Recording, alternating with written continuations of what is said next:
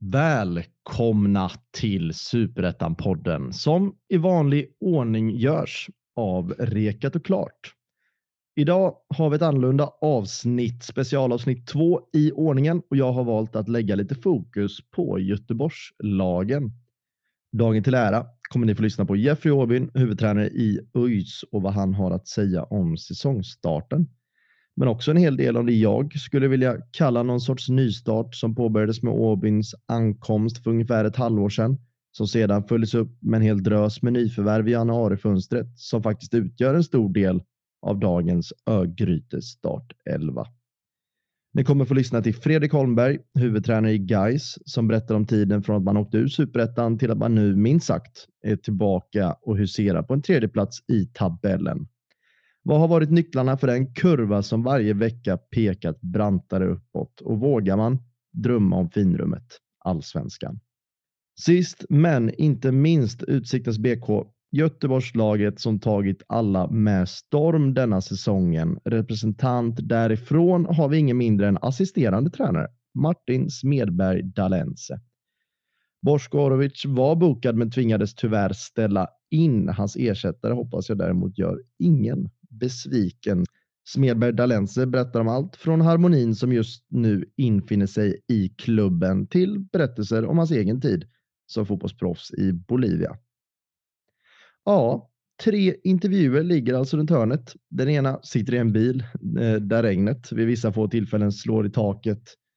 Den andra sitter i en paddelhall, eh, bollar studsande utanför sig. Så ja, vid enstaka tillfällen kan ljudet vara lite sämre, men jag hoppas ni kan ha överseende med det. Så jag tänker vi drar igång.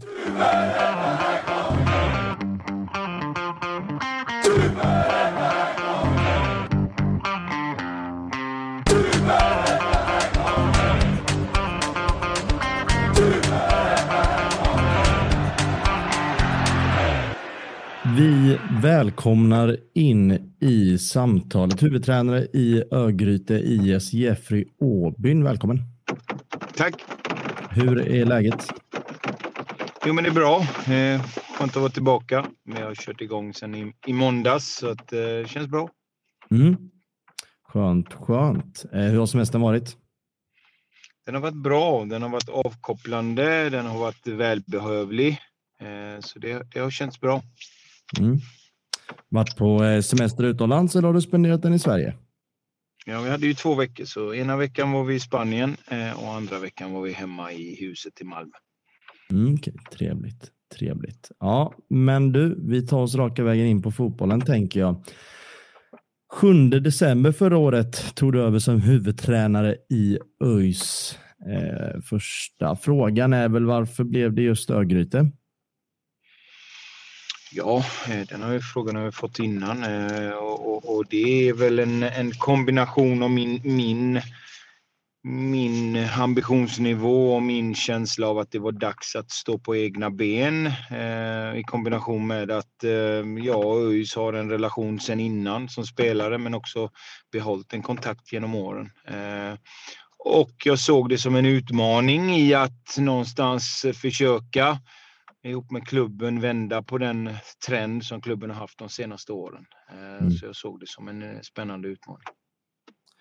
Eh, hur såg kontakten till? Var det Andreas Karlsson som kontaktade dig eller var det ett samtal som hade pågått längre eller hur såg det till? Initialt så var det George Morad och jag som hade en, en, en kontakt. Så att han var väl den första kanalen ska sägas. Mm. Mm. Ja, i två år dessförinnan så har du varit eh, ass i Malmö. Bakom första året eh, Jon Dahl Tomasson, men sista året eh, dubbla tränare, både Milos eh, Milojevic och Åge Hareide. Eh, det är en mm. bred fråga, men eh, hur var de två åren? De var bra, lärorika. Eh, fanns en frustration också in emellan dem. Eh, självklart. Mm. Eh, det blir ju någonstans när du är en assisterande tränare så, så, så, så så ska du följa huvudtränarens riktning och det, det är så det ska vara. Eh, ibland när man har egna idéer och tankar så självklart så kan det bli en, en, en frustration hos en att man känner att oh, fan, man kanske hade kunnat gjort så och så vidare. Och, eh, det är också en viktig del som assisterande tränare att man kan och, och, och bör eh, utmana sin huvudtränare på ett, på ett eh, förnuftigt och, och, och bra sätt. Eh, men, men likväl så ibland så kan, kan det landa i en frustration och jag tror också det är en del i att, att jag kände att det var dags att, att, att stå på egna ben. Mm. Eh, men det var, var två lärorika år eh, och två år som är, jag är jättetacksam och glad för. Var det framförallt det sista året och sista tiden där med Åge som du kände att jag har mycket idéer, jag vill eh, genomföra dem och det kanske jag måste få göra någon annanstans?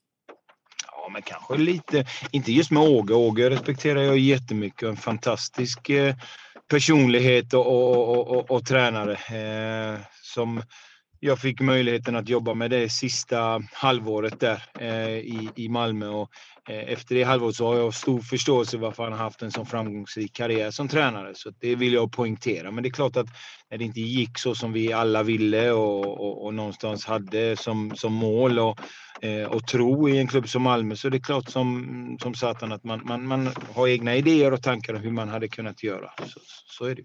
Ja, eh, ljudet krånglar lite här, men jag hoppas att man kan höra eh, ditt svar där Jeffrey. Men jag går vidare eh, mm. och frågar dig. Mm, tog du, eller har du tagit med dig kunskap och eh, lärdomar från någon av dessa tre tränare mer än den andra? Eller är det svårt att säga?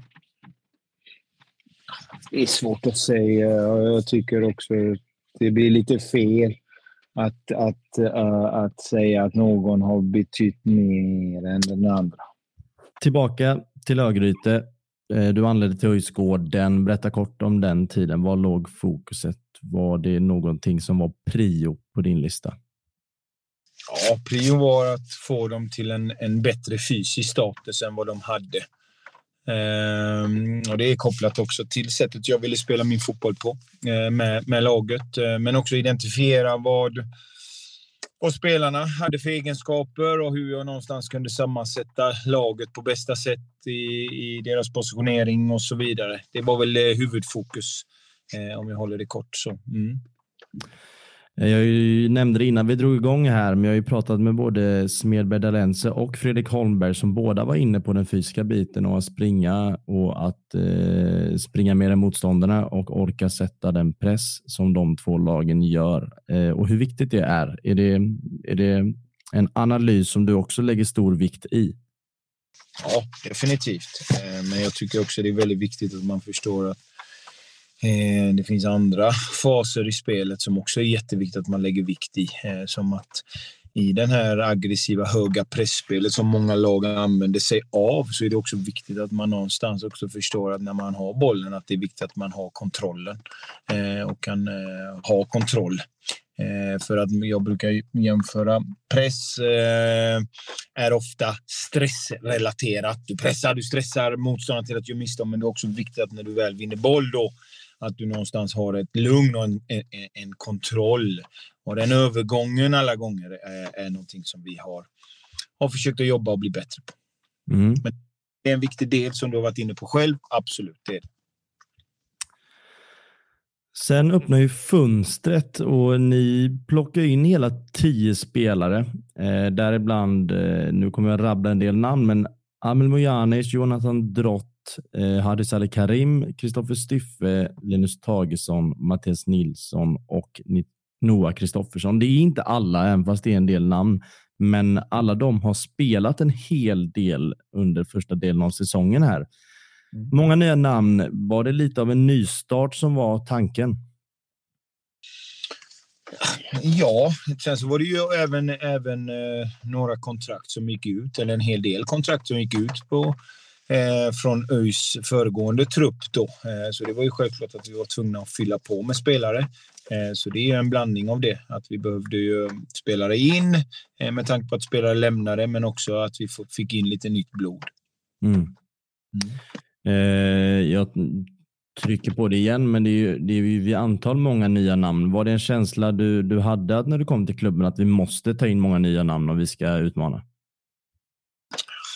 Både och. Det landar ju någonstans i att titta vad, vad behovet är och sen så måste vi förstå var vi, var vi är någonstans i, i näringskedjan. Vi är en superettan-klubb som inte kan välja och vraka. Vi har inte eh, de ekonomiska musklerna att kunna, kunna erbjuda de bästa lönerna på det sättet heller. Så att det handlar ju om att eh, att eh, ja, göra ett bra scoutingarbete eh, och någonstans också rekrytera med en, en idé om att det ska passa in med sättet vi vill spela vår fotboll på. Så att eh, eh vi har eh, jobbat hårt under december och januari, februari månad, mars eh, för att någonstans få ihop en trupp utifrån sättet vi vill spela på.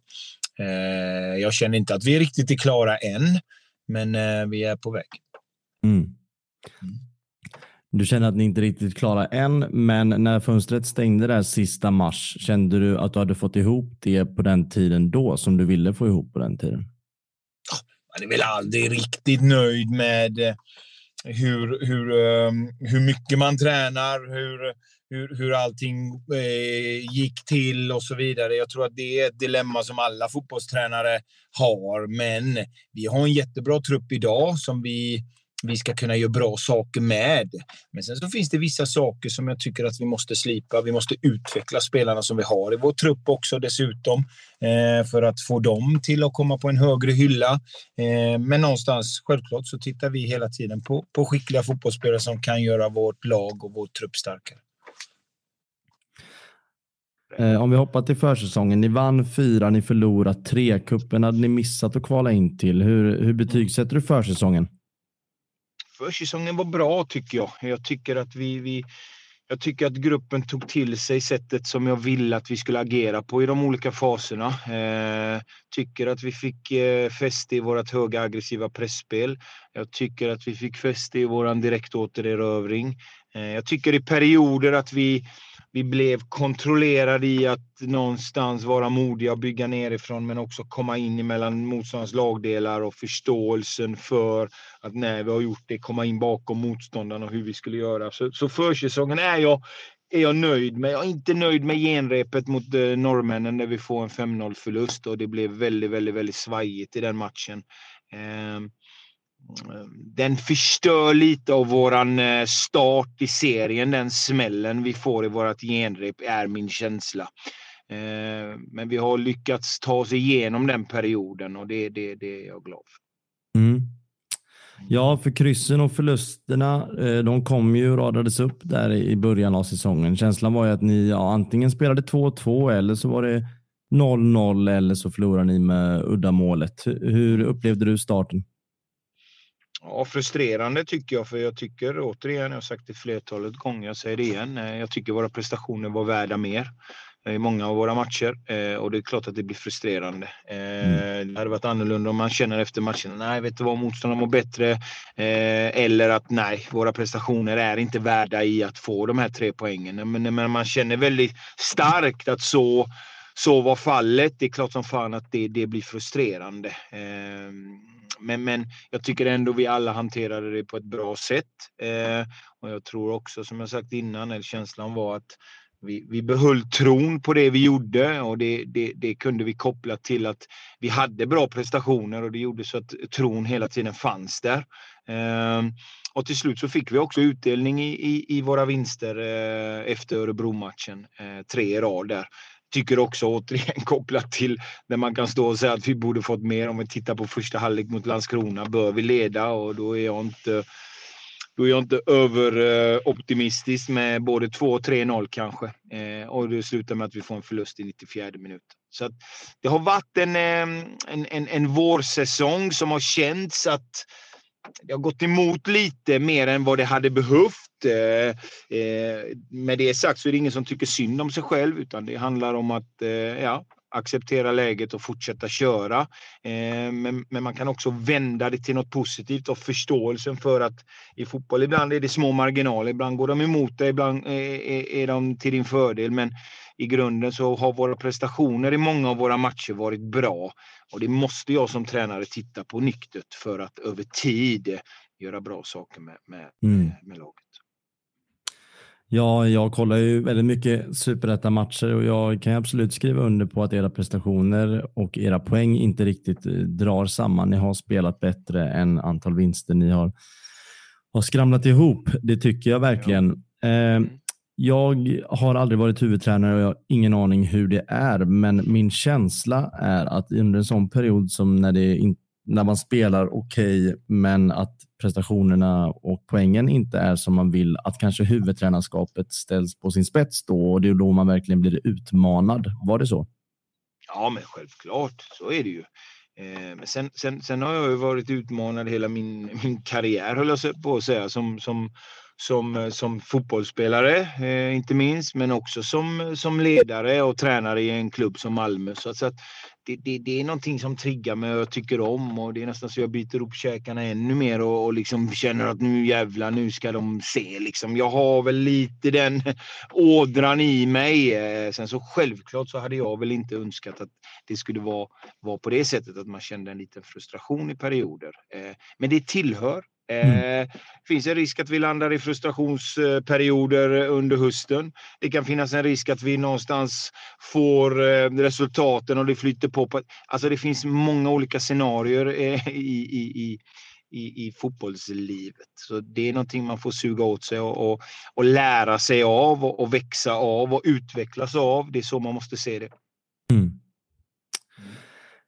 Derbyt mot Guys, det var, under 13 det var över 13 000 på läktarna. Ni vann övertygande. Det var då tre raka vinster och det kändes lite som att säsongen hade vänt för er. Hade du samma känsla vid det laget?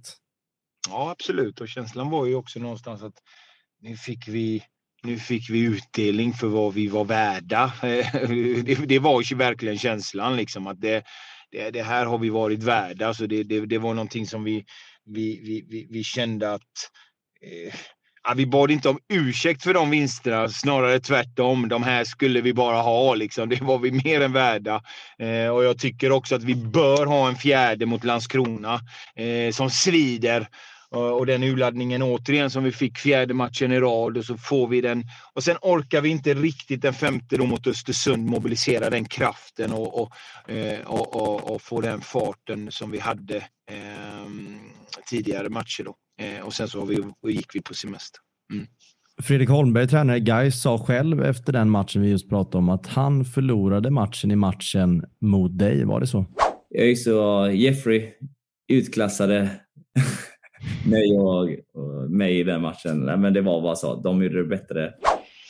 Det vet jag inte. Det vet jag inte. Man ska, jag tycker som tränare så tycker jag att man ska vara ödmjuk i framgång och man ska vara ödmjuk i motgång. Att man ska inte övervärdera tränarens betydelse. Den har betydelse. Men det är också väldigt viktigt att spelarna presterar, spelarna har en förmåga att utföra saker där ute på plan. Så det är en kombination, både i motgång men också i framgång. Jag tycker att att ibland så, så, så nu kanske jag är, är, dum mot mina kollegor, men ibland så kan jag känna att vissa tar sig själv på för stort allvar och, och, och känner att ja, deras betydelse är allt för stort. Jag, jag, jag vill vända på det. Spelarnas betydelse är eh, det viktigaste. Hur skickliga de är, hur, hur, hur, hur de presterar är, är väldigt avgörande. Och även vid, eh, vid medgång. Så jag mm. vill inte säga det, utan jag tycker att mina spelare utförde eh, och presterade på ett bra sätt i den matchen och därför vann vi matchen. Om jag fortsätter lite på Göteborgsspåret, här kommer en långkörare, men Göteborgsfotbollen och all rivalitet som finns där, om man säger så här, BK Häcken går ju som tåget, eh, IFK går inte alls särskilt bra, men på läktaren briljerar man ju i alla fall vecka ut och vecka in. Guys åker ner i divet och har sen bara gasat och försökt bråka om platsen i allsvenskan. Och sen sist men absolut inte minst, Utsikten måste man ju börja ta på allvar och är ju faktiskt den tredje bästa Göteborgsklubben sett till resultat i år. Eh, pratar man om detta? Ja, man pratar om det. Man pratar om eh jag som inte har varit eh, inne i Göteborgsfotbollen på det sättet på snart 20 år, eller på att säga, men med en väldigt lång tid. Ehm, eh, jag är ju nyfiken eh, varför det har varit så på det här sättet att vi riktigt någonstans Göteborgsfotbollen inte riktigt har fått det fästet som Stockholmsklubbarna har fått eh, ihop med vissa skånska klubbar där nere då, Malmö inte minst. Då. Så att det har varit en, en, en, en undran eh, hos mig och det är klart att det har diskuterats i perioder. Det har det. Mm. mm. Finns det någon prestige eh, som påverkar eller som man hungrar efter eh, med dessa fem klubbar och, och, och, att man vill vara bättre än den andra? Ja, prestigen eh, kommer väl alltid att finnas där. Det är ju det är en del i, i, i tävlingsådran som vi alla har som håller på med detta, så den måste finnas där. Sen så tycker jag väl egentligen att, att prestigen och tävlingsådran som jag varit inne på bör trigga alla klubbar att hela tiden ta steg framåt och göra bättre saker hela tiden. Eh, det, det, det är, väl, eh, det är väl då det blir en, en sund tävlingsmiljö. Men pratar man mer om Utsikten och Geis som motståndare än vad man pratar om Öster och Landskrona som motståndare i Superettan? Nej, Nej, inte hos oss i alla fall. Mm. Vi går tillbaka till säsongen och vi går mot slutet lite här av intervjun. Hur summerar du den första delen av eh, säsongen? Vad behöver ni jobba på? kan ju vara en följdfråga. Mm. Eh, vi behöver jobba på att, eh, att ha en bättre slutprodukt när vi kommer till våra chanser. Om vi tittar på all statistik så har vi, ligger vi i topp i expected goals. Eh, och det innebär att vi kommer och känslan och, och, och, och vårt eget öga säger att vi kommer till målchanser i väldigt många matcher, men vi behöver få en bättre slutprodukt. Eh, vi startade serien med att vara väldigt, väldigt, väldigt slarviga i egen, egen box och runt eget straffområde och släppt in väldigt märkliga mål. Det tycker jag att vi har korrigerat eh, i sista delen av våren. Eh, vi behöver bli bättre på att i perioder, lite som jag var inne på, vi är ganska intensiva och aggressiva i vårt pressspel, men vi måste balansera det med att ha bättre kontroll i perioder med boll då. Eh, så att det är väl de faserna som jag tycker är, är, är under utveckling. Mm. Och eh, vågar man ge sig på om man, du tycker att ni har fått ett godkänt första 12? Eller är det en fråga som eh, du säger nej tack till? Ja, nej, jag kan svara. Jag tycker inte att den är godkänd med tanke på att eh, eh på den här nivån handlar det om att vinna fotbollsmatcher. Eh, jag är fullt medveten om. Eh, och den verkligheten måste vi leva i. Och, och, när man ser till, till det så tycker jag inte att vi har vunnit tillräckligt många fotbollsmatcher. Sen kan man vända på det. Vi har varit svåra att vinna över och så vidare. Men jag tycker att vi borde ha vunnit fler fotbollsmatcher för att det ska bli ett godkänt eh, betyg. Mm. Ja, du pratade om att ni eh, värvade mycket i vintras, men att man aldrig riktigt kan känna sig klar. Kommer det nyförvärv här under sommaren? Ja, om vi hittar rätt så kan det göra det. Eh, det är viktigaste eh, och det är en del som jag, jag tycker att vi, vi behö, behöver bli bättre på i klubben och utveckla i klubben. Att vi, vi, vi, vi rekryterar utifrån en idé, utifrån hur vi vill spela och inte rekrytera spelare utifrån vad har de gjort tidigare och att det kanske möjligtvis är en bra fotbollsspelare som många är där ute. Men är det en bra fotbollsspelare utifrån vårt sätt att spela fotboll? Det är viktigt att vi har, har en tanke bakom de sakerna hela tiden och det sätter ju sig sin sak på sin spets på ett annat sätt och då blir det ju kanske att, att de spelarna som vi vill ta in blir lite mindre och lite smalare i rekryteringsmöjligheterna. Mm. Eh, du pratar om att ni behöver eller bli mer skärpta framåt och att ni letar eller att ni behöver hitta slutprodukt. Kan man hitta slutprodukt framåt i det här fönstret? Letar man efter slutprodukt framåt i det här fönstret? Som jag sa innan, vi tittar eh, om vi kan förstärka i de olika lagdelarna, självklart. Men det viktigaste är att det, det, det, det ska bli rätt. Eh, sen så ska man komma ihåg också, det är jätteviktigt att poängtera och det vill jag verkligen göra, att när man är i superettan och när man är eh, i, i, i allsvenskan så tycker jag också det är jätteviktigt att vi tränare ha en, ha, har en inställning att inte bara identifiera att spelare kanske här och nu inte har detta och detta och detta. Vår uppgift som tränare är faktiskt att utveckla spelarna som vi har i vår trupp och, och någonstans göra dem bättre. Och förhoppningsvis så, så, så utvecklas de och blir de spelarna eh, över tid. Mm. Du, apropå nyförvärv så vill jag fråga en sista fråga innan jag säger tack för idag. Tack för idag. Och mm. Innan du kom till klubben så då, då sparkades Igor Krull efter en eh, mm. fiaskostart förra året. Niklas Allbäck var då klubbchef. Tre månader senare tog Andreas Karlsson över uppdraget som klubbchef och sportchefsrollen är ju inte tillsatt. Ska den tillsättas eller är det på andras bord? Ja, den är på andras bord. Eh, sen så självklart så, så bollar jag saker vad jag tycker och, eh, självklart och jag tycker vi har en, en, en, en sund dialog kring de, de sakerna. Men det, det är viktiga frågor för, för oss som klubb att diskutera självklart som du nämner. Känner du att du hade kunnat eh, prestera ett bättre jobb med en sportchef i din sida? Det är möjligt. Eh, det är en hypotetisk fråga med tanke på att den har inte för riktigt funnits där. Eh, men det är möjligt. Så att, men som sagt var, det är en, en, en fortlöpande dialog vi har hela tiden i hur vi, vi gör oss som klubb bättre och starkare och mer konkurrenskraftiga. Mm. Men, men, men, men du har rätt. Frågan eh, har lyfts och, och, och, vi diskuterar den vidare. Mm. Och Går det att prata om vad som diskuteras eller vad som är dina åsikter i frågan? Ja, nej, men det, det låter jag stanna här utan det är någonting jag tar med klubben självklart. Ja. Mm. Jeffrey Åbyn, du tack så jättemycket för att jag fick eh, sno din tid och eh, ja, sorry för det tekniska bekymret. Ja, tack själv. Det gick ju till slut. Så det var det, det gjorde det. Det gjorde det. Ja. Du, eh, lycka till fortsatt under säsongen här. Gott. Vi hörs och syns. Okej. Okay. Hej då.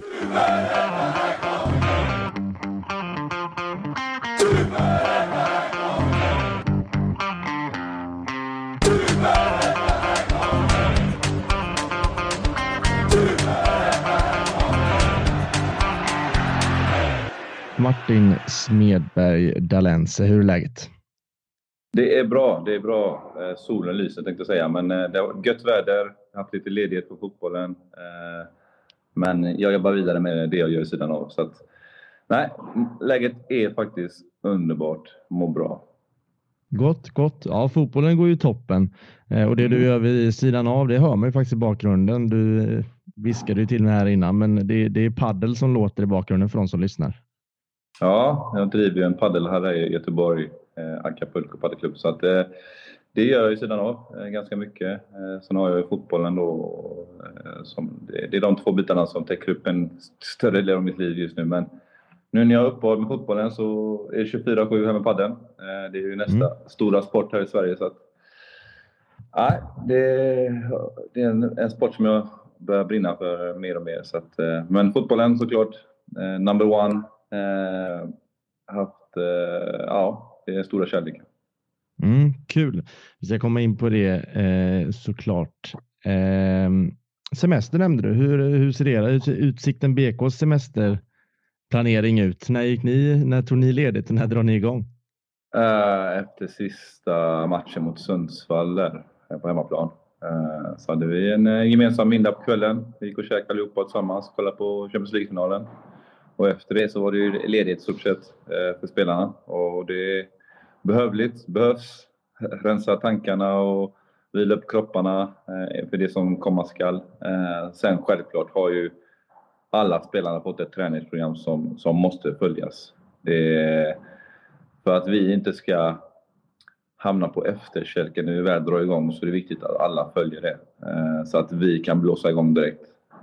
Så att det är väl det är väl det som är överenskommet med, med spelarna, att om de ska ha lite längre ledighet så måste de ju sköta den biten. Så att, eh, vi har inte haft problem med det tidigare år eh, och med den gruppen vi har i år så, så, så ser vi ingen risk med att, att det är någon som kommer fuska. Eh, sen har vi spelare som är iväg på landslagsuppdrag eh, som kanske kommer behöva eh, ta några extra dag ledigt när de väl är på plats sen. Så att, eh, men det är kul. Kul för föreningen, kul för spelarna att de fått de, de uppdragen. Eh, så att eh, nej, jag hoppas att spelarna verkligen har njutit eh, av den här, de här dagarna. Eh, sen är det bara att på med blåstället och blåsa igång det direkt. Eh, och eh, ja, eh, nu har vi någon match inför seriestart här sen. Så att, nej, jag räknar med att spelarna ändå kommer utfilade. Men inte för utvilade om du förstår vad jag menar. Jag såg, det var lite roligt, Helsingborg skickade ut i förrgår tror jag träningarna var igång. Jag blev helt chockad. Men det är klart, det är en klubb som mår annorlunda än vad ni gör. För att spelarna ska kunna prestera på plan så är det viktigt att de mår bra sidan om också. Och då vi, brukar vi vara hyfsat generösa med, med ledighet. Det är klart, hade vi varit i den positionen som Helsingborg och de här klubbarna kanske är så hade vi nog också startat igång det redan. Vi backar bandet lite. 31 januari 2020. Du skriver på för Utsikten med en typ av eh, spelande tränare-roll. Eh, berätta hur, eh, hur, hur liksom det, det steget såg ut och hur du diskuterade med dig själv innan, innan du valde att ta det. Alltså det är en lång historia egentligen, men jag, jag var i Bolivia och spelade i slutet av min eller andra året i Bolivia. Jag hade kontakt med en klubb som heter Ljungskile SK. Eh, vi hade gjort upp muntligt att jag, jag skulle avsluta karriären i Chile. Eh, vi var i stort sett överens. Eh, de ringde ju mig redan från september månad. Jag befann mig i Bolivia fram till, jag kom hem 22 december. I tre månader så hade vi kontakt och det var väl egentligen tanken att jag skulle dit. När jag väl kommer hem så, så, så är det tystnad från deras sida. Hör ingenting.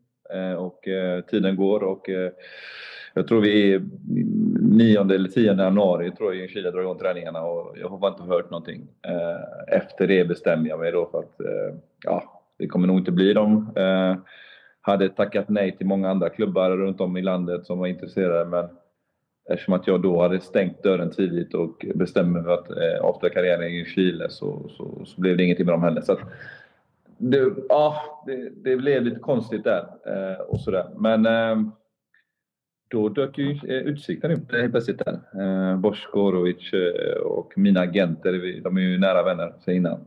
Och han gjorde väl en chansning och kollade läget med mig. För att se lite hur jag tänker. Jag hade precis fått mitt andra barn. Så kände att jag vill inte flytta mer. Jag har varit iväg två år. Familjen har fått vara, flyga omkring lite överallt. Så att jag kände att nu måste vi landa. Nu måste vi stanna hemma i Göteborg och ja, då blev det faktiskt Utsikten. kom med ett spännande eh, projekt som man hade på gång. Eh, Bosko med sitt fotbollstänk. Eh, plus att jag då fick vara assisterad, tränarroll även i laget då. Så att efter mycket om och men så kände jag ändå att det, det känns rätt. Ehm, det ekonomiska och det är ju inte så mycket ekonomi i Utsikten för min del utan det, det handlar mer om fotbollen. Att jag ville se att klubben ville satsa och försöka ta sig upp i Superettan. Det var det viktigaste för mig.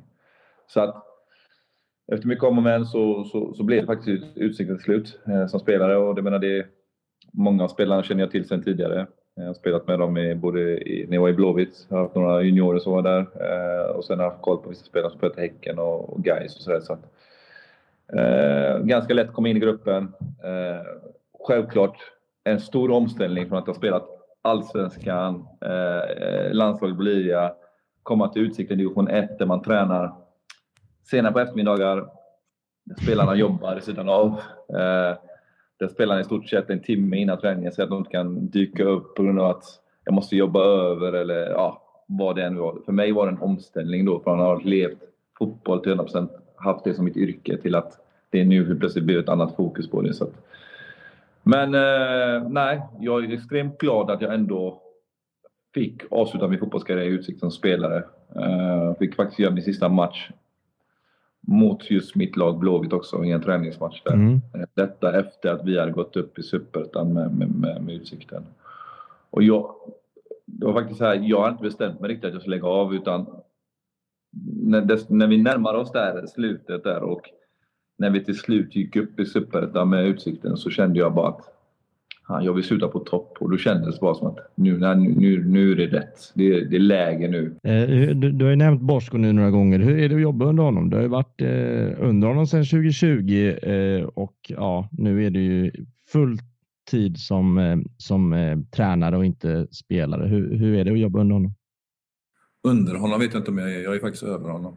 Han vet inte om den bara, men det är jag som bestämmer. också motivera det. Ja, vi brukar skoja det faktiskt, för han, han, han glimtrar till lite. Så här, ibland, ibland kommer jag ut i, i tid och sånt, för att jag har ett företag att sköta. Så där. De är ju där ganska tidigt, både Borsko och Henrik då, som är assisterande. Och jag kan ju dyka upp ibland beroende på hur det är i jobbet. Och då brukar han faktiskt vara på mig och säga det. Du kanske ska börja komma i tid någon gång. Och då brukar jag skämta att utan mig så har inte du ett jobb kvar så att det är bäst att sköter det, sa jag. Och sådär, så att, eh, vi, vi har en jättebra relation, jag och Bosko. Vi, eh, förutom att vi är jäkligt eh, goda vänner och, och har en ömsesidig respekt till varandra så, så, så, har vi även en bra connection på, på fotbollsplanen. Mm. Han är ju den som är huvudcoach och det, han är ju ett... Jag, kan säga, jag har haft många tränare i min karriär men det är inte många som besitter den kunskapen han gör just när det gäller det taktiska. Han kan ändra matchbild och kan se saker och ting i, i det taktiska spelet som, som kan avgöra match. Eh, och det är inte många faktiskt som jag sett som, som gör det så på det sättet som han gör. Sen är han ju, eh, som alla vet, eh, varit ganska etlevrad innan och mycket känslor och sånt där. Och det är någonting han har jobbat med och eh, som han blir mycket bättre på också. Eh, menar, och då behöver han ändå folk runt omkring sig som både jag och Henrik då som, som ändå kan lugna han och det, det kan diskutera saker och ting. Så att jag har ju sett han växa otroligt mycket de här åren som vi har varit tillsammans. Eh, eh, och sådär. Så att det, det, sen tror jag också att hans fotbollstänk har förändrats. Jag, menar, det, jag känner ju Bosko sen som långt tillbaka när han hade Kviding. Och de som följer Göteborgsfotbollen vet att Kviding var ett otroligt spelande lag. De ägde en boll varje match. De kunde ha, alltså då övade de inte, de kunde ha 80-85 procents bollinnehav. Men i slutändan så vinner de inte matcherna ändå. Och det är någonstans där då vi och Bosko då kommit underfund med att det handlar någonstans om ändå att vinna matcher i slutändan. Och det är klart, man vill ju spela på ett en bra sätt och följa våra matchplan, men, men ibland måste man alltså acceptera att det är ingen sån dag, utan då får du spela på ett annat sätt för att vinna de här tre poängen. Så att, det är ju där vi hittat en jäkligt bra mix. Vi, vi har ju spelare som är beredda att göra ja, det fina jobbet samtidigt som gör det här hårda jobbet som krävs för att vinna en serie. Så att, tycker vi har fått upp det riktigt bra, eh, både från ledarstaben och i, i spelargruppen, där vi har där alla vet sina roller och alla vet vad de ska göra på plan. Så att, eh, då är det en stor eloge till Borsko som ändå har jobbat med många av de här spelarna under, under de här åren. Det är också svårt att vara med då. Så att, eh, ja, det, det, känns som att eh, vi, vi, har kommit en bra bit på vägen eh, och det, spelarna eh, tar till sig den informationen som delas ut från, från ledarstaben. Så att, det känns bra. Eh, som sagt, mm. jag tycker det är kul att han får fick utmärkelse också. Det förtjänar han verkligen. Med tanke på det jobbet och det slitet han lagt ner. Eh, både, på, både på planen och i det privata som han har gått, gått igenom mycket saker. Så att, nej, en, en, en riktigt bra tränare. Mycket, mycket bra tränare. Det känns som du, du, du berättar lite om en jargong er emellan. Då undrar jag, har han någonsin dratt argumentet att han var bättre rankad än Zidane när han var yngre? Ja, det har vi fått höra. Hört, det kan jag du säga. har fått höra. det kan jag säga. Men, eh, ja. nej, nej, men jag, jag, som sagt, jag har ju koll på honom innan. Jag menar, jag var ganska Han är mycket äldre än vad jag är, men jag vet att min pappa är ju fotbollstokig och du vet, när vi snackade om Lundby förr i tiden så snackade man, då nämnde man faktiskt Borskos namn. Eh, jag tror jag för mig att jag var och kollade på några matcher till med. Eh, så att, nej, han var ju otrolig talang. Mm. Verkligen. Men Samtidigt så erkänner han ändå själv, och jag, och jag tror det är det som driver han idag till att vara på våra spelare, just som att göra jobbet och aldrig slappna av. Det är för att han själv inte gjorde det. Han var ju, alltså, de som vet, eh, han, han gjorde inte... Eh, jag tror inte ens han gjorde en full 90-minutare på fotbollsplanen någonsin. Utan det var, det var en halvlek höll han och sen så tröttnade han. Sådär. Så att, mm. Jag tror det är det som har drivit han, att han just att hans fysiska status och det inte var kanske hundra då som spelare. Eh, så att, eh, men det är klart vi har hört det, att han är högt rankad. Det, det får man höra. Eh, spelarna har också fått höra det. Så att, så att lite, han försöker sänka dem lite och behålla ödmjukheten bland spelarna, så man inte svävar mm. iväg.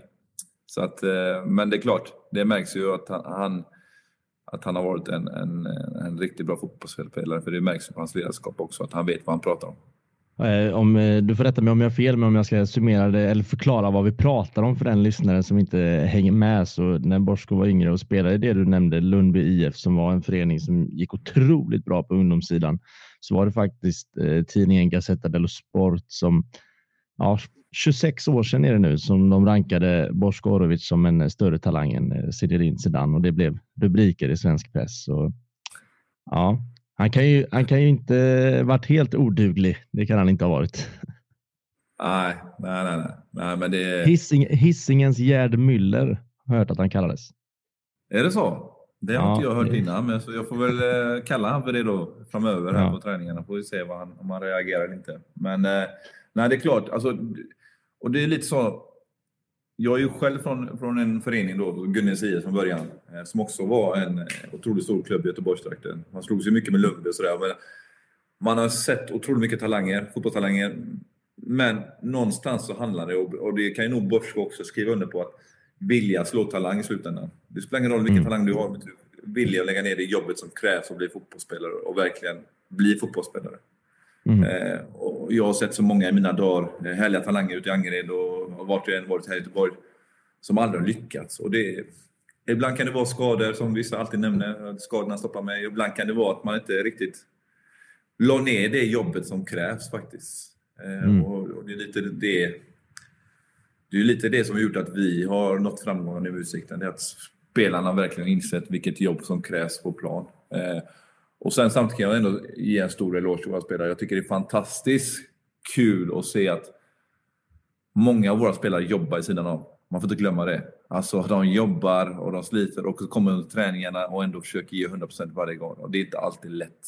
Det, det vet vi om som tränare också. Men en stor eloge till dem. Så det är därför också en av anledningarna till att våra spelare behöver extra ledighet. Det är för att de kanske då behöver rensa otroligt mycket eh, mentalt också, både från fotbollen och från jobbet som de har i sidan av. Så att, eh, nej, det är som sagt, det, det är bara att fortsätta. Eh, mm.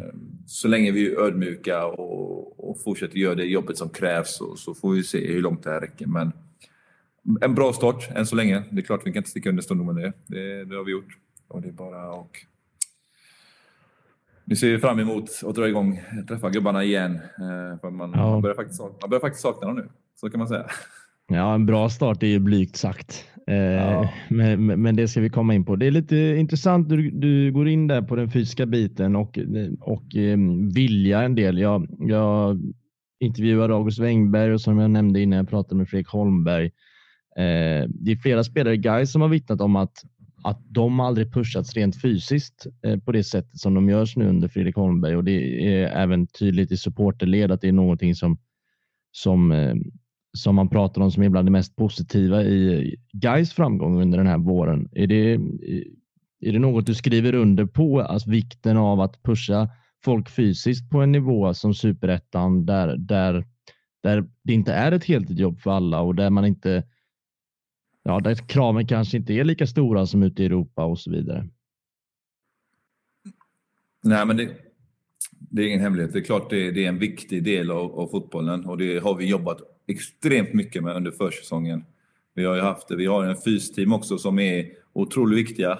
Eh, som har haft mycket att säga till om. Eh, ihop med, med ledarstaben så har vi lagt upp en, en planering som har funkat utmärkt. Eh, det är klart vi har haft lite små skavanker som kanske störde oss lite inför seriestart då, va? Eh, med några spelare. Men, men som sagt, vi vet ju, alltså i dagens fotboll säger man att de är inte fotbollsspelare, de är atleter. Det är det mm. de är. Du vet, förr kanske, kanske man räckte att vara fotbollsspelare, men nu måste man ju orka. Eh, måste göra mer maxlöpningar. Fotbollen det är ett annat fotboll än vad det var för många år sedan. Så att, då gäller det också att vi lägger upp en träning så att våra spelare är rustade för detta, så att de orkar att spela. Så att, och sen är det ju så, alltså vi spelar ju med vårt spelsätt där vi vill pressa högt på lagen och sånt där och det, då, det tar ju mycket på våra spelare. Så att vi är även tacksamma att man får lov att göra fem byten för att det, det, mm. det behövs kan jag säga. Det, det är många ja. lag som nyttjar de här fem bytena. Så att, eh, eh så att Nej, det är klart, det, det är en viktig del, en viktig pusselbit att, att vi, vi jobbar mycket med det fysiska. Eh, fysiska. Det, det, det, det, behöver vi göra. Vi behöver våra spelare klara av det. Eh, mm. Och är det så att man inte har uppnått de målen kanske så, så, så krävs det att man gör det där extra jobbet sidan av med vårt fysteam eh, så att alla spelarna står redo. Så att, det är samma sak för våra spelare som inte kanske är med i första elvan eller får spela matcher. De får ju löpa direkt efter matchen så att vi ändå bibehåller att de är i samma fysiska nivå som våra spelare som kanske spelar för tillfället. Så att, för man vet ju aldrig, vi kommer behöva hela truppen och då gäller det att de verkligen är redo på alla plan. Så att mm. det, det, det, är någonting som vi har tryckt otroligt mycket på och vi kommer göra det, fortsätta göra det framöver också. Eh, mm. Så att det blir väl en koll här nu direkt när spelarna kommer tillbaka för att se lite hur fysiska statusen är. Eh, men vi räknar ju som sagt att de flesta spelarna, ja, alla spelarna i stort sett, förutom de som är på landslagsläger, eh, så har kunnat köra igång med hög, hög träning direkt. Så att, mm. så att eh, nej, det, det, det, är viktigt. Jag håller med mina kollegor som de sa innan, att det, det är otroligt viktigt eh, att man ser på den punkten eh, och att det följs på ett korrekt sätt. Ja, jag vet inte om det är en fixering från mig det här med, med, med den fysiska eh, biten och kanske vinnarmentaliteten, men det, men det kom lite i tiden också nu landslagsuppehållet här i Sverige och Dejan Kulusevski nämnde en hel del i media om att, om att eh, den fotbollsvärlden jag kommer ifrån som är tidigare Italien som nu är i England, där är en helt annan eh, tänk kring hur man tränar och vikten av att vinna.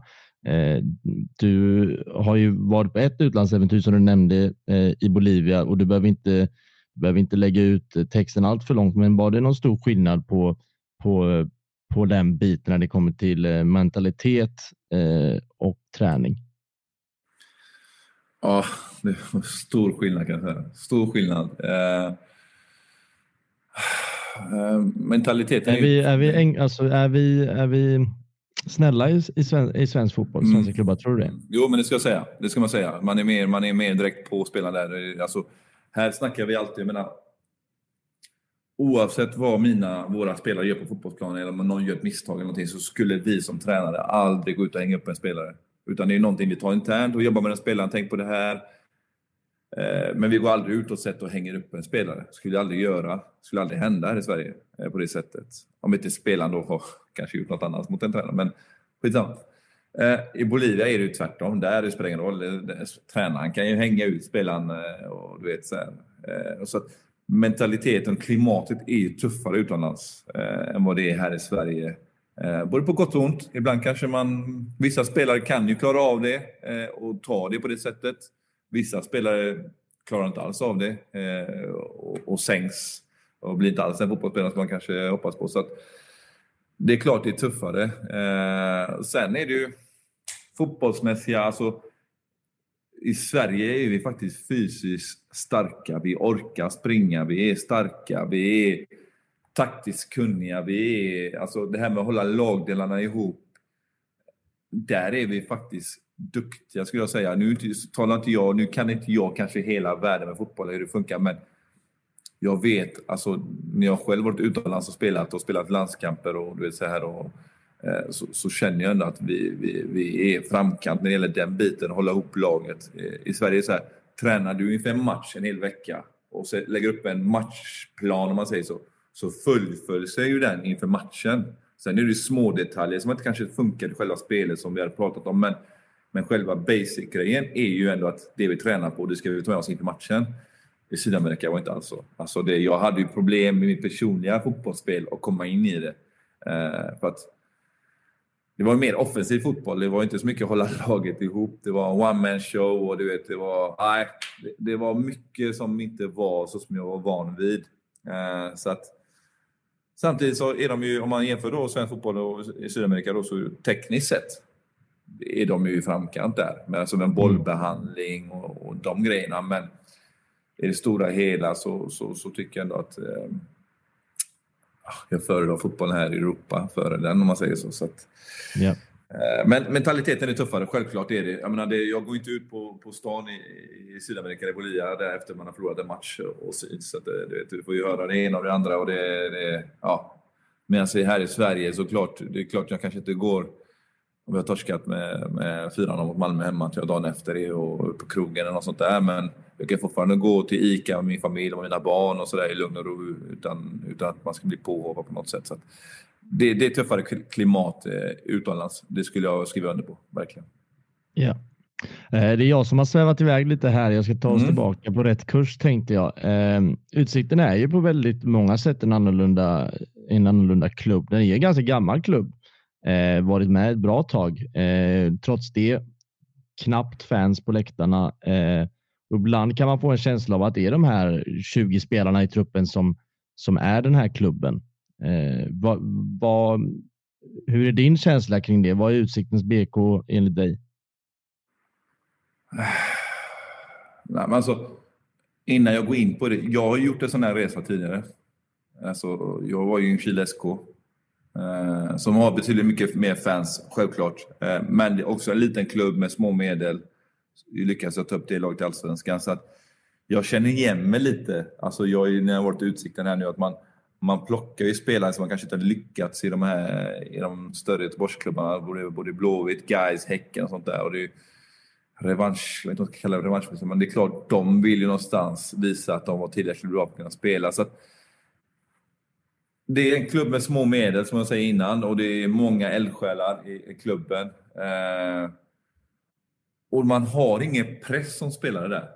Alltså förutom den pressen vi har på oss själva från, från, från, alltså internt så, men det är ingen press att spela, man säger så. Jag tror som spelare kan det vara ganska avslappnad när du går ut och spelar på fotbollsplan. Eh, klart vi hade önskat att vi hade haft en större supporterskara, lite mer folk kanske och lite så som alla andra klubbarna har. Men Mm, det kanske kommer, vem vet? Jag menar det, vi har ju märkt redan nu under resans gång här nu när vi har presterat och under matcher att det har kommit mer och mer folk som ändå som kanske håller på andra klubbar men som ändå gillar fotboll. De kommer ju kolla på våra matcher. Sen är det mycket som ni säger släkt, eh, vänner och familjemedlemmar som kommer och kollar på våra matcher och är där och hejar sådär. Så att det är också ändå starkt. Jag menar, jag vet ju själv som fotbollsspelare när man, när man springer ut på Gamla Ullevi och fansen hoppar och skriker och hejar och sådär. Du vet, det ger ju mig den drivkraften till att ta de här löpmeterna och slänga mig och kämpa och du vet, glidtackla och slå massa inlägg. Alltså ge mig extra kraft när jag känner att jag är trött. Här får man inte det på det sättet som Utsikten som, som förening. Då, så att, ännu mer starka att vi ändå lyckas så som spelare fortsätta och maler på och maler på och maler på. Så att, nej, jag, jag, jag är imponerad. Eh, som sagt, det, är en resa man har gjort. Man har varit upp eh, innan tydligen i Superettan, men åkte ner så att, och sen härvat division 1 eh, några år. Eh, men det känns som att när vi väl tog steget upp, som att vi var beredda för det då. Vi visste vad som väntade oss. Vi, vi, vi var redo att ta steget upp, både som fotbollslag och som förening. Så att eh, föreningen fortsätter växa.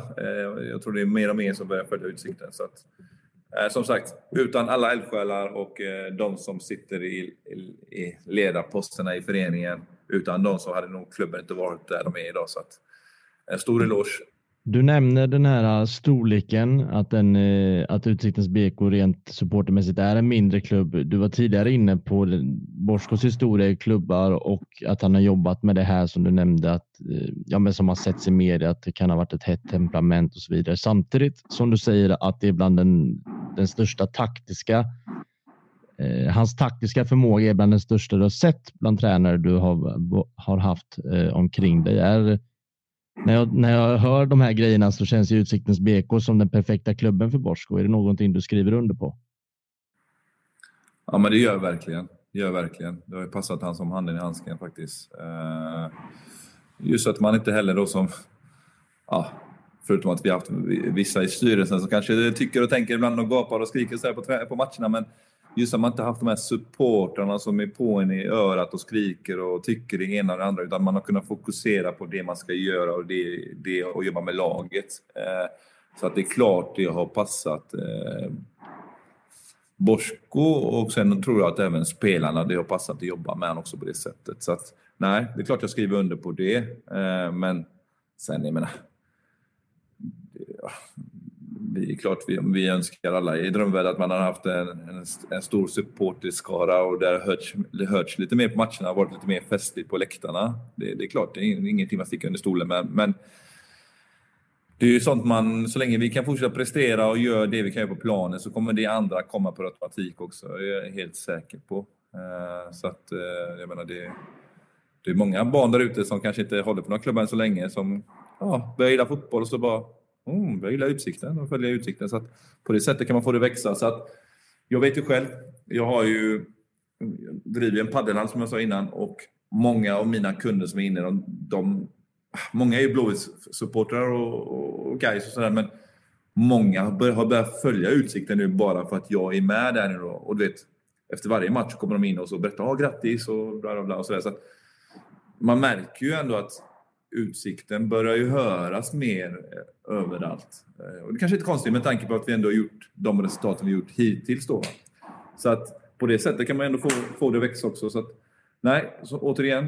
Eh, det har nog passat Bosko jättebra att jobba i en klubb mm. som Utsikten. Han har ändå varit i några större klubbar tidigare. Eh, sådär, så att, nej, det tror jag verkligen att han, han, det märks ju på honom att han trivs otroligt bra eh, Utsikten. För att jag menar, han har ju säkert fått, inte, ja, säkert fått förfrågningar från andra klubbar under resans gång, men eh, någonstans har vi ändå valt att vi vill jobba med den här gruppen och spelarna. Vi, vi lyckas med det här laget. Eh, och vi lyckades få upp dem från division 1 till superettan.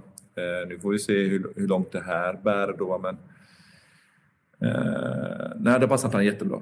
Mm. Eh, plus att han, ja, i hans sociala liv också vill att vara kvar i Göteborg och sådär. Så att, eh, och inte röra på sig nu. Så att, eh, då, då, då passar det bra. Ni ligger minst sagt bra till. Hur gick snacket mellan dig och Bosko när, när april kom? Hade ni alla bitar på plats inför den här säsongen? Var det känslan när ni gick in i det?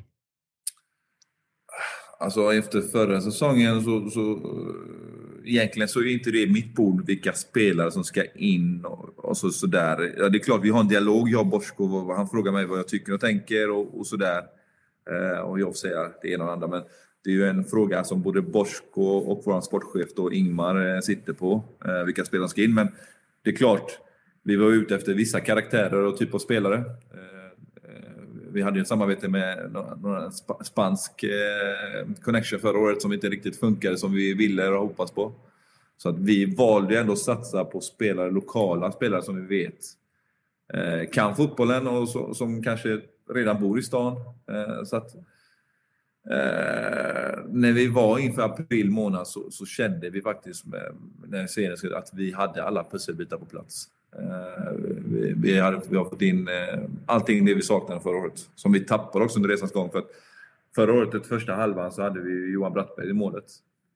Tappade vi honom till Häcken och sen så fick vi chansa lite då. Då hade vi våran andremålvakt eh, som ändå gjorde det bra men på det sätt han kunde. Men sen tog vi in en tysk målvakt som ah, inte prestera på det sättet vi hade hoppats på. Så att, Eh, det var vår viktigaste pusselbit inför den här säsongen, att vi hittar målvakter som vi vet vi kan lita på, som vi är trygga med.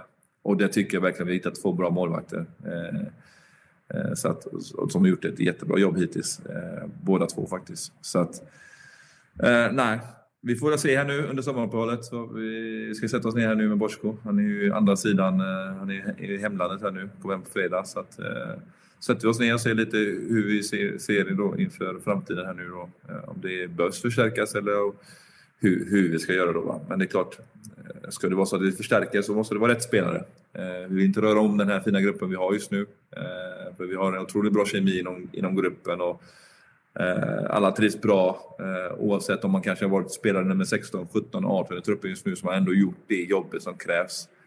Så att återigen, och vi, vi trycker på det varje dag. Det är ju inga individuella spelare som har tagit oss dit vi är idag, utan det är ju hela laget, hela gruppen och det är någonting vi fortsätter trycka på. Det är det som gör att vi har nått framgångar hittills, att vi sitter upp som en grupp och vi spelar som ett lag.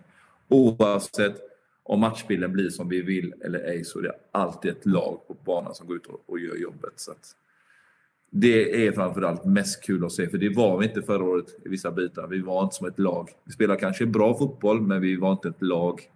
Där har vi fixat till inför ett året. Ni har inte förlorat sen omgång tre. Kan du, det är ju helt otroligt imponerande. Kan du sätta, något, kan du sätta fingret på något konkret eh, som har gjort att ni är så svårslagna och i stort sett alltid hittar sätt att plocka poäng trots röda kort och saker som har som liksom hänt under säsongen? Så, ja, men alltså det, jag tror väl någonstans att det är själva försvarsspelet i sig, tror jag. Alltså vi släpper inte, jag, tror, jag, vet, jag har inte koll på statistik nu exakt, men jag tror inte vi släpper till många heta målchanser emot oss.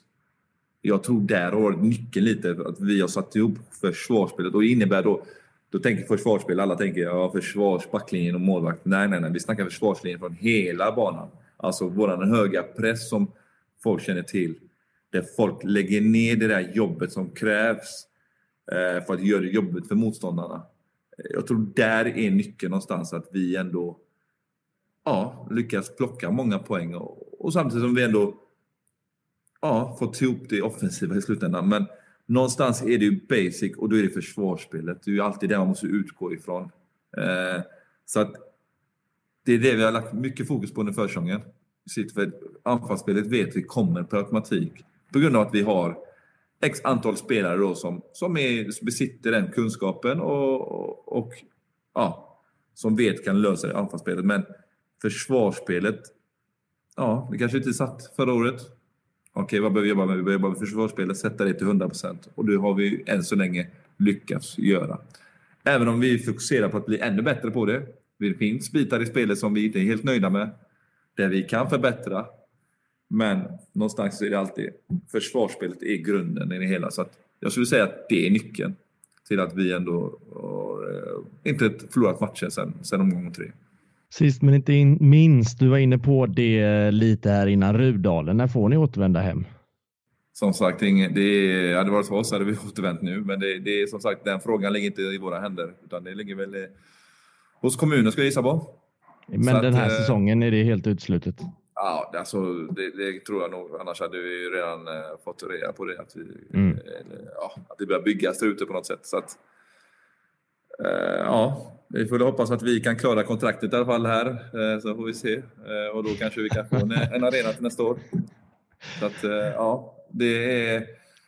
Nej, det jag vet inte. Jag, jag, jag tycker det är pinsamt någonstans. Att man, man, man har ett lag som Utsikten som, som en liten klubb som ändå är uppe och spelar elitfotboll och att vi inte har de förutsättningarna att kunna bedriva vår fotboll, spela våra matcher på vår hemmaborg. För mig personligen så är det under all kritik. Jag vet att vi som förening har försökt göra det vi kan för att få fram och göra det vi kan för att vi ska kunna få till det. Men som sagt, vi behöver ha med oss många andra parter på detta också. Så att, nej, en liten, eh, vad säger man, en liten ris till dem så att de får snäppa upp det så att eh, folk kan få komma och kolla på riktig fotboll i, i Rudalen framöver.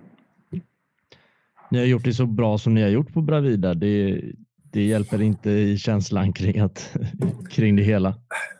Någonstans vill man ju spela där man... Där man där, ja. ja där, där vi bedriver vår verksamhet hela tiden. Så att, eh, men inget ont om Bravida. Det är en jättefin plan. Jag menar, det är ju nära för mig. Jag bor i Eriksberg här själv personligen. Jag har mitt företag här i Singapore, så för mig är det nära att, man, eh, att vi är spelar matcherna där. Det funkar ju så sätt. Men någonstans vill man ändå spela fotbollen där vi tränar varje dag och då, då är det Rudalen som gäller. Så att, eh, och jag tror faktiskt att kunna få en riktigt mysig, fin arena där ute om vi kan få ordning på alla saker och ting. Så att, nej, vi får hoppas på att det, det ändras inför framtiden så att folk kan få komma till Frölunda och Rudalen för att se på fin fotboll. Det får vi hoppas. Du Martin Smedberg Dalense, tack så jättemycket för att jag fick sno nästan en timme av det här. Ja, tack själv. Tack själv. Lycka till fortsatt under säsongen. Ha det gott. Tack så mycket.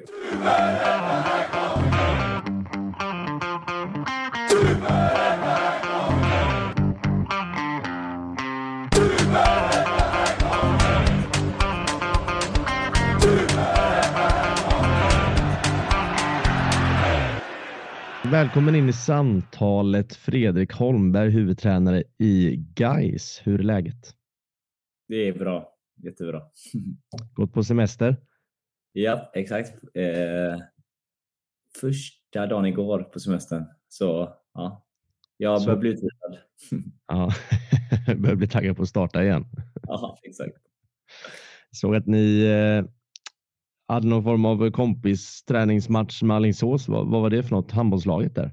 Ja, eh, det var ett, ehm, ja, men deras tränare, eh, Frasse som han kallas, eh, Fransén, han, ehm, jag har förstått som att de är väldiga gaisiare där. Så de hade kontaktat oss tidigare under året, eller under våren här, och bett om att se om vi kunde hitta en, ett sätt att träna. Det är deras sommar, sommarträning. Mm. Så då, i sin förberedelseträning och i våran sommarträning skulle vi försöka se hur kan vi kombinera ihop och vi tycker det är kul att testa saker.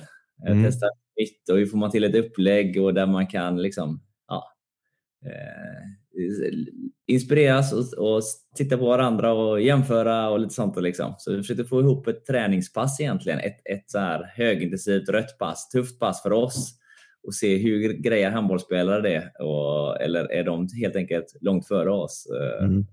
Så det blev liksom en utmaning för alla spelare. Eh, det blev skitkul. Ja.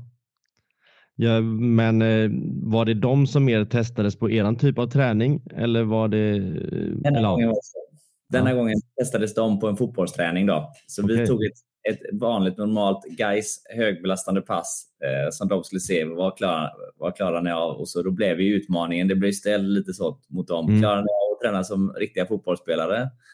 Och för oss var det ju att, eh, att, att visa då att så här tufft är det att vara fotbollsspelare.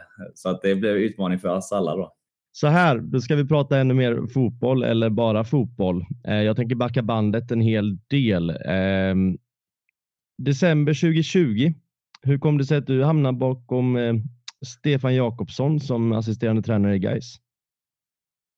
Eh, Stefan hade ju eh, varit, gjort ett par år där i Degerfors med framgång eh, och blev eh, ja, rekryterad eh, på, på, ett, jag tror det var tre, tre, treårsavtal med Gais där. Och han hade jobbat med min bror innan i Degerfors som hade varit assisterande där uppe. Och vi har träffats där. Jag var bland annat uppe och gjorde en, en träning. De lät mig träna med dem som spelare. Eh, kommer ihåg typ 2017, 2018. Så vi lärde känna varandra lite, jag och Stefan. Inte mycket, men lite. Och eh, kopplingen till min bror och ja, men det, det blev liksom som att det kändes som att vi kände varandra till, liksom, från början. så. Samtidigt mm. jag är på i Onsala som tränare då. Ja. Eh, här där jag bor, 10 meter från där jag sitter nu. Eh, det är ett, in, ett inkast bort så spelar Onsalas A-lag sina hemmamatcher. Mm. Eh, så det, där, där hade jag varit i fyra, fem år då och varit delad huvudtränare där. och började väl känna att antingen blir det bara jobb, för det var tuffa, långa dagar liksom, med både jobb och, och fotboll på kvällarna då. Och så skulle jag försöka vara pappa till det. Liksom. Så att då, jag kände väl någonstans att eh, snart får något hända här. Eh, för det blir väldigt, väldigt långa dagar. Mm, och så hördes Stefan och Geis egentligen av sig eh, då i den vevan. Eh, innan, in, december 2020 var det väl. Mm. Och, eh, nej, det var mycket som kändes rätt och var, jag tyckte det kändes spännande och med en klubb som Geis och få testa på det på liksom, ja, tjänstledigt från mitt jobb och satsa lite på fotboll på det sättet. Så jag tänkte, vad fan, ja, det är bara att pröva. Yeah. Hoppade på det tåget eh, och så började det egentligen. Mm. Du nämnde brorsan där. Eh, jag kollade upp lite nu snabbt för jag för mig att det var en väldigt samma veva. Men bara månaden innan du blev assisterande guy så tror jag att din yngre bror blev huvudtränare i Degerfors. Och det, det är ju i samband med att Jakobsson såklart går och hela den biten. Hur, hur var det att eh, du tog ett jobb högre upp inom fotbollen och det gjorde han samtidigt?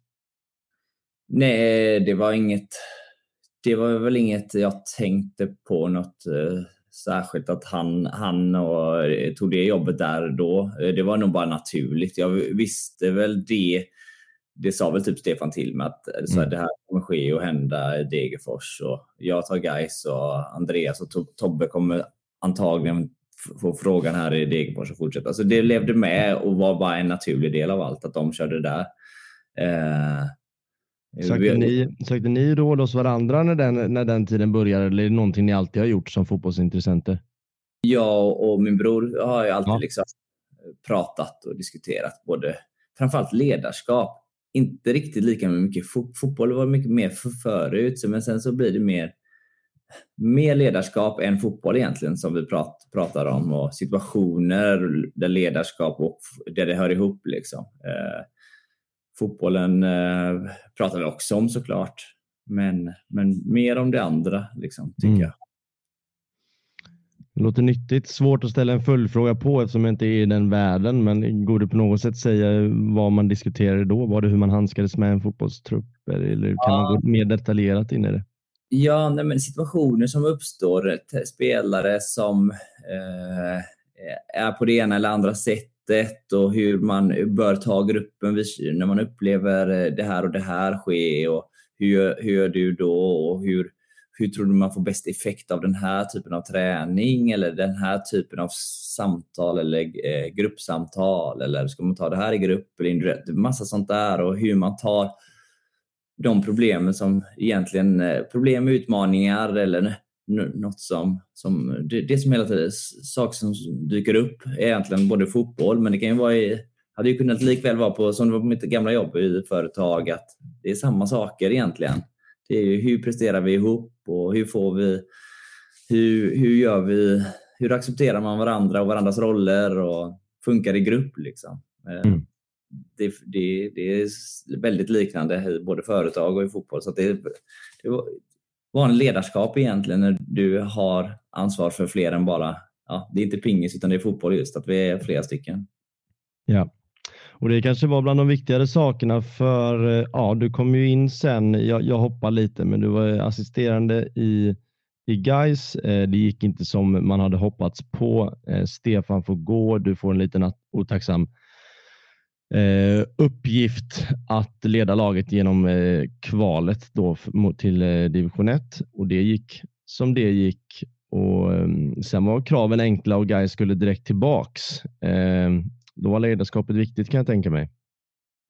Ja, eh, ja men det var det väl eh, egentligen hela tiden. Först, det första, ehm, när man fick frågan i början i ett utsatt läge och allt vad det var, det var ju lite eh speciellt att, att, ta över i det läget med en sargad trupp mentalt och allt vad det var. och allt man själv varit med om. Det var väldigt konstigt. Och Sen så skulle man eh, då efter ett nederlag också hitta ett sätt att eh, få få ihop och få upp eh, för då helt plötsligt ska vi vinna alla matcher eh, i stort mm. sett. Mm. Kraven blir ju därefter. Och, och få ett lag att, eh, med mycket nytt men också med flera från året innan som inte har vunnit så mycket. Ja, så ska vi flytta fram positionerna tillsammans. Och, ja, men det är klart att det, det ställer krav på alla spelare och ledare eh, att, få, att få till det.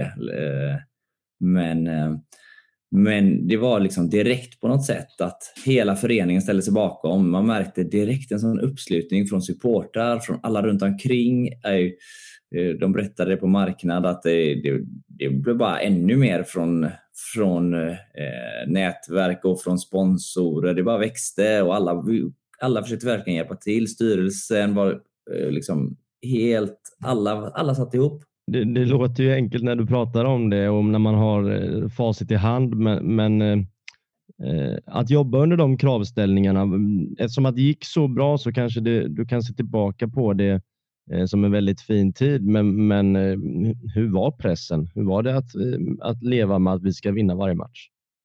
Mm, gillar det. Jag gillar sånt. Det är skitroligt. Eh, det är liksom jag hade det hade varit samma sak för mig ändå i eh, superettan eller i division 3 när jag var i Onsala och division 4 när jag var i Onsala och division 2 var vi också där. Det är samma hela tiden, man vill vinna. Eh, mm. ja, ja, det finns inget annat krav jag har egentligen på mig själv innerst inne än att hjälpa laget till att vinna. Eh, och så då, då då, jag vill ha det så och jag gillar det där, att det ska vara på det sättet. Sen så eh, är det naturligtvis eh, Ja, men det ställer ju krav på förväntan. Förväntan utifrån blir ju eh, därefter. Så det är ju naturligtvis tålamodsbanken kanske inte är riktigt lika stor då. Eh, utan, utan då gäller det verkligen att göra det när det är som mest tillspetsat. Jag har försökt hålla någon form av kronologisk ordning, till, i alla fall till en början, men känns sen som att vi har svävat iväg och varit en del i nutid. Ja. Men, men eh, jag, innan jag går in på prestationerna som har, eh, som har varit eh, den här superettan-säsongen så vill jag stanna bara lite kort i, i, i försäsongsmatcherna. Det vill jag inte göra för länge, men matchen mot IFK, kan, hur var det? Storleken av den och som en kuppmatch, hur var det att få spela mot IFK och till slut även ganska övertygande vinna över IFK?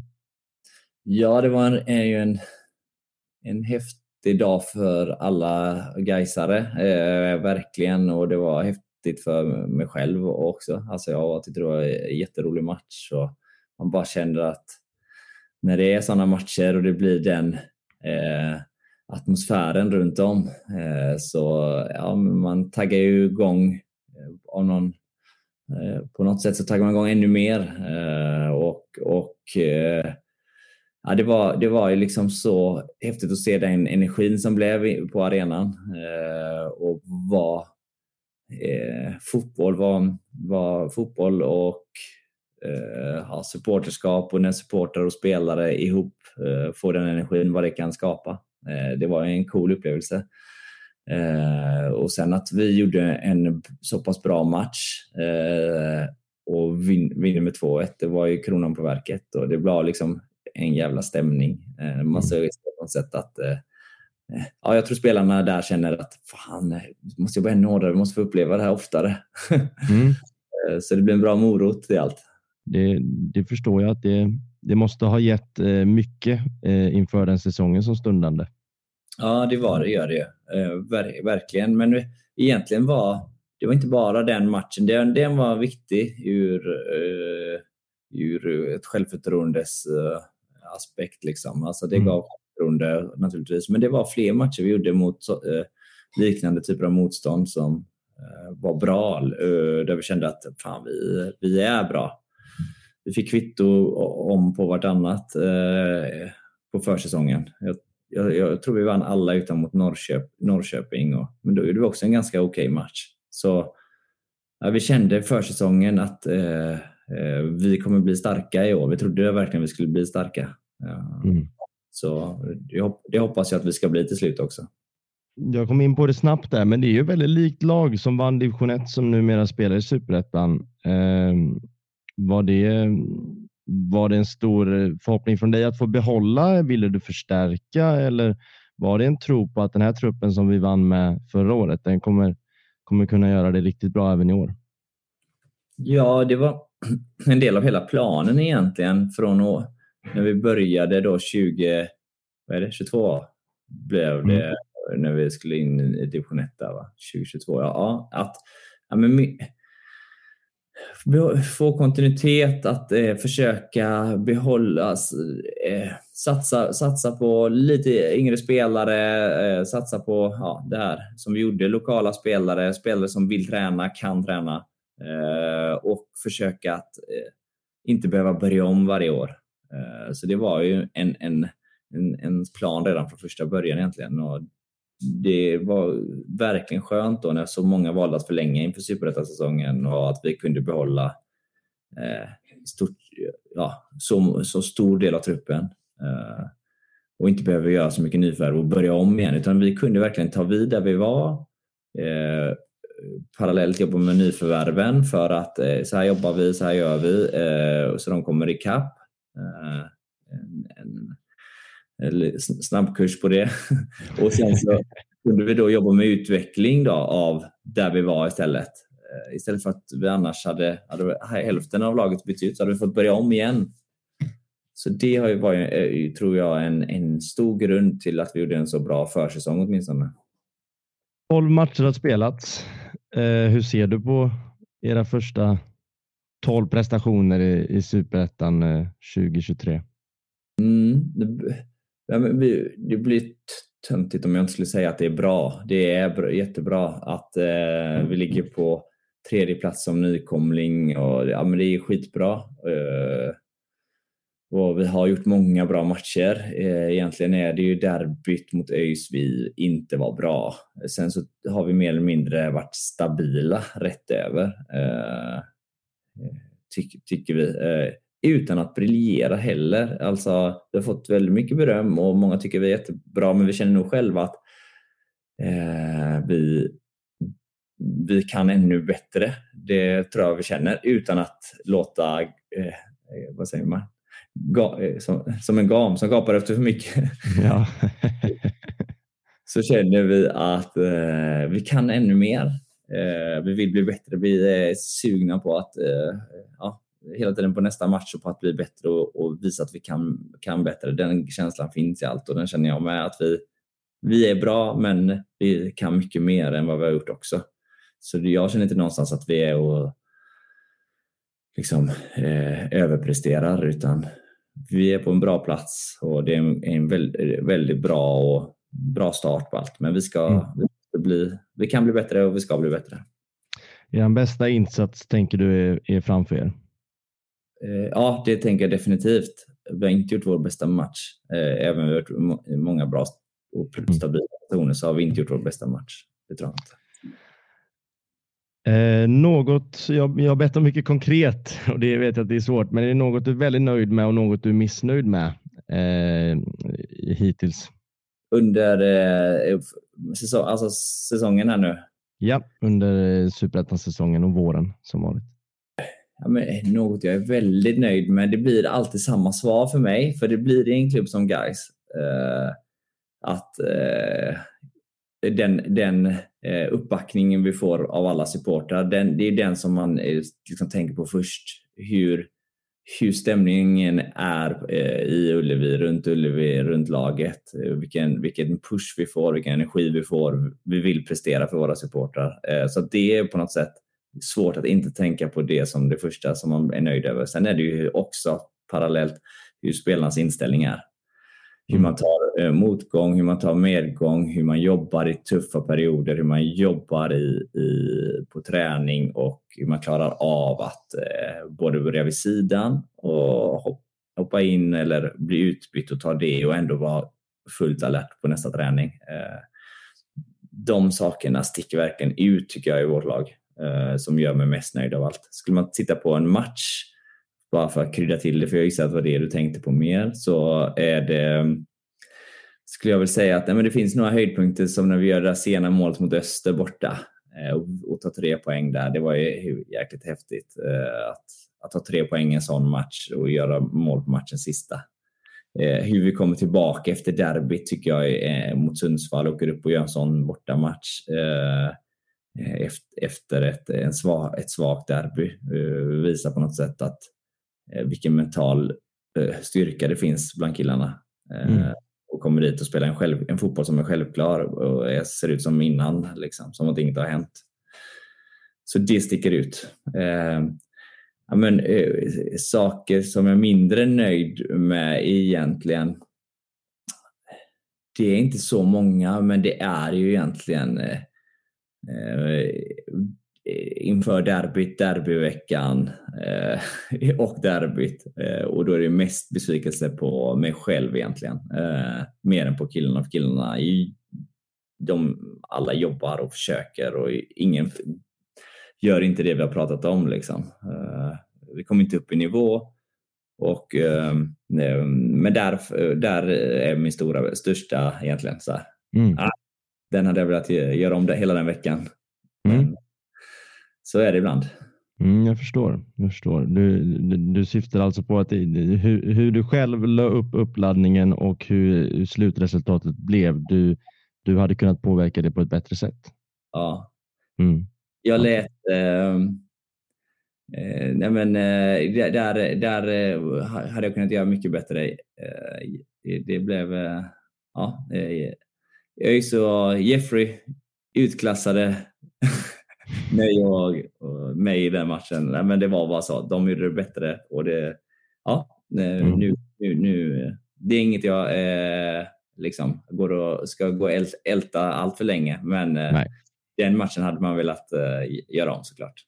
Vad hade du kunnat göra mer? Vad hade du gjort annorlunda?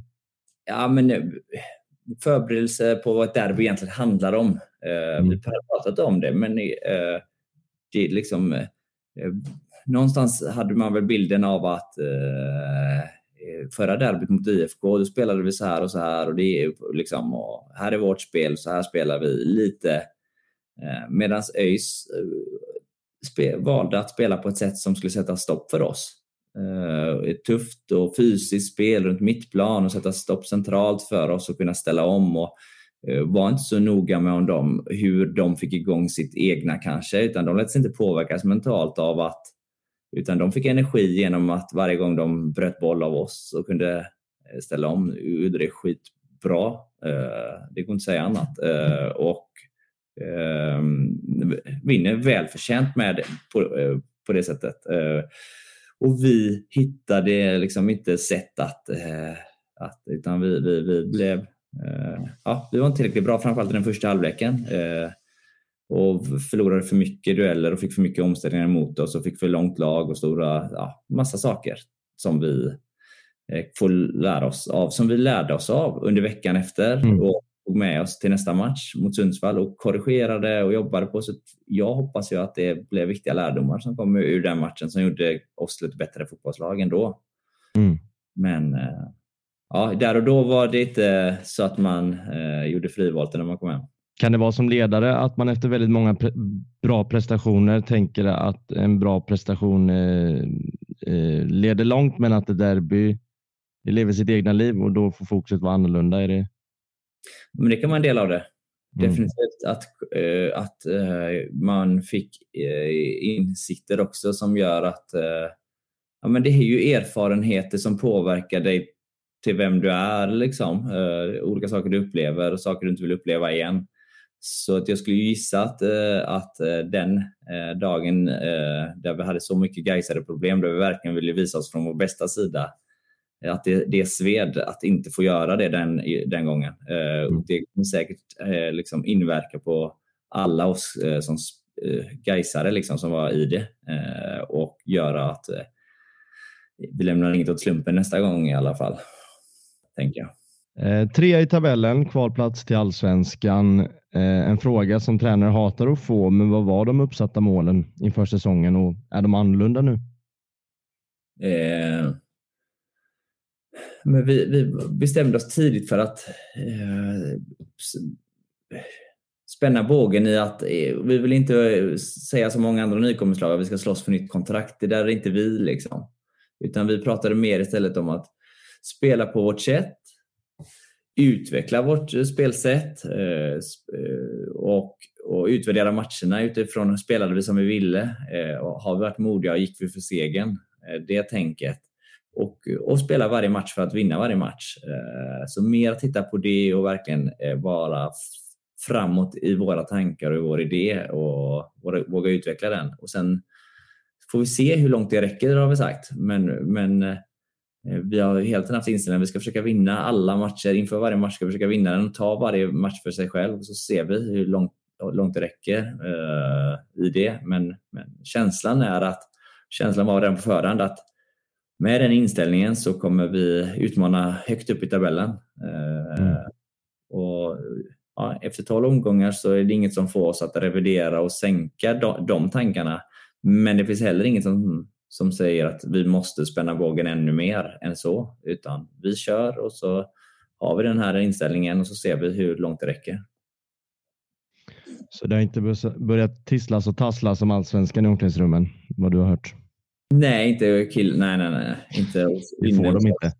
Nej, nej, vi pratar inte på det. Vi har sagt det att folk sjunger ju olika texter om att vi ska upp och ÖIS-supportrarna sjunger att vi inte ska upp utan att vi ska ner eller vad det är. Ja, sådär. Vi har sagt att vi allt det där får ha sitt egna liv utanför. Vi vet vad vi har sagt och vad vi fokuserar på. Så vi tar varje match som den kommer, varje träning som den kommer. Det tror vi är det bästa för att eh, vinna så många matcher som möjligt för guys.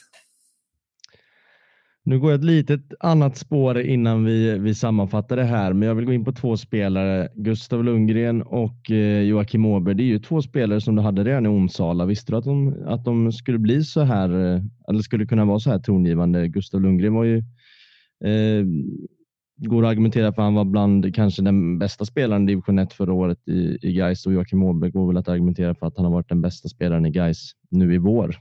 Vad visste du om att de skulle, skulle vara så här eh? Ta så här mycket plats?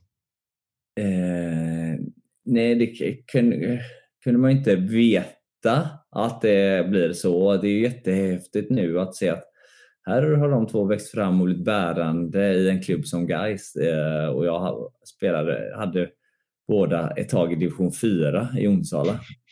Eh, det är naturligtvis en jäkla häftig utveckling. Eh, och eh, jag, man tyckte redan där att fan vad duktiga de är och vad bra de var där. Så var de med i Häcken, han gick till Häcken, Jocke gjorde en liten ut, men sen kom han tillbaka i division 3 och så var vi med varandra i tvåan och så nu är de helt plötsligt eh, viktiga spelare för guys i toppen av superettan. det, det, det, det gick inte att veta att det skulle gå, gå hela vägen hit. Eh, men, men samtidigt så när man är i det så tänker man inte på det. Utan det är, när du, det är personer som du ställer de här frågorna som man mm. reflektera. Fan, det där är häftigt. Eh, men ja, det är coolt att det går. Det visar väl många att allas karriärer liksom lossnar inte när de är 16-17 utan vissa lossnar senare och du kan spela division 3-4 fotboll och, och blomma senare. Det, mm. det tycker jag är väl en häftig signal som det skickar till många fotbollsspelare där ute. Eh, den spelare som varit på flest eh, läppar den här säsongen det är Julius Lindberg och jag vet att det egentligen är en fråga för Sköldmark som är klubbchef eh, kring hans situation i Gais. Men, men om man ställer det bredare eh, format. Är du rädd att ni blir av med tongivande spelare och är du inställd på att ni i så fall ersätter dem? Nej, jag är inte rädd för det. Um, vi kommer bli av med spelare. Vi kommer vilja sälja spelare vidare också. Uh, så det är en del av det här också att göra. Uh, se vad som händer med Harun och vi fortsatte ändå vara ett bra lag. Uh, Emmy gick till Allsvenskan. Vi fortsatte ha bra mittbackar. Uh, att guys eh, nu då eh, får, får sam, samtidigt som vi har den supporterbasen och den uppslutningen och den, det intresset som finns och engagemanget som finns runt föreningen. Att också då få spela en, eh, en, en utvecklande fotboll och en fotboll där vi vinner matcher till det och utmanar högre upp i tabellen i Superettan. Jag tror att eh, i, själva spiralen med inflöde av spelare eh, eh kommer kunna Ja, det, vi kommer kunna hitta bra lösningar på situationer när spelare försvinner också. Det är min känsla. Vill du ha in spelare i sommar redan nu? Nej, alltså just nu är vi... Eh, vi har planerat säsongen på det här sättet med de spelarna vi har. Eh, är det ingen som försvinner så är jag väldigt nöjd med de spelarna vi har.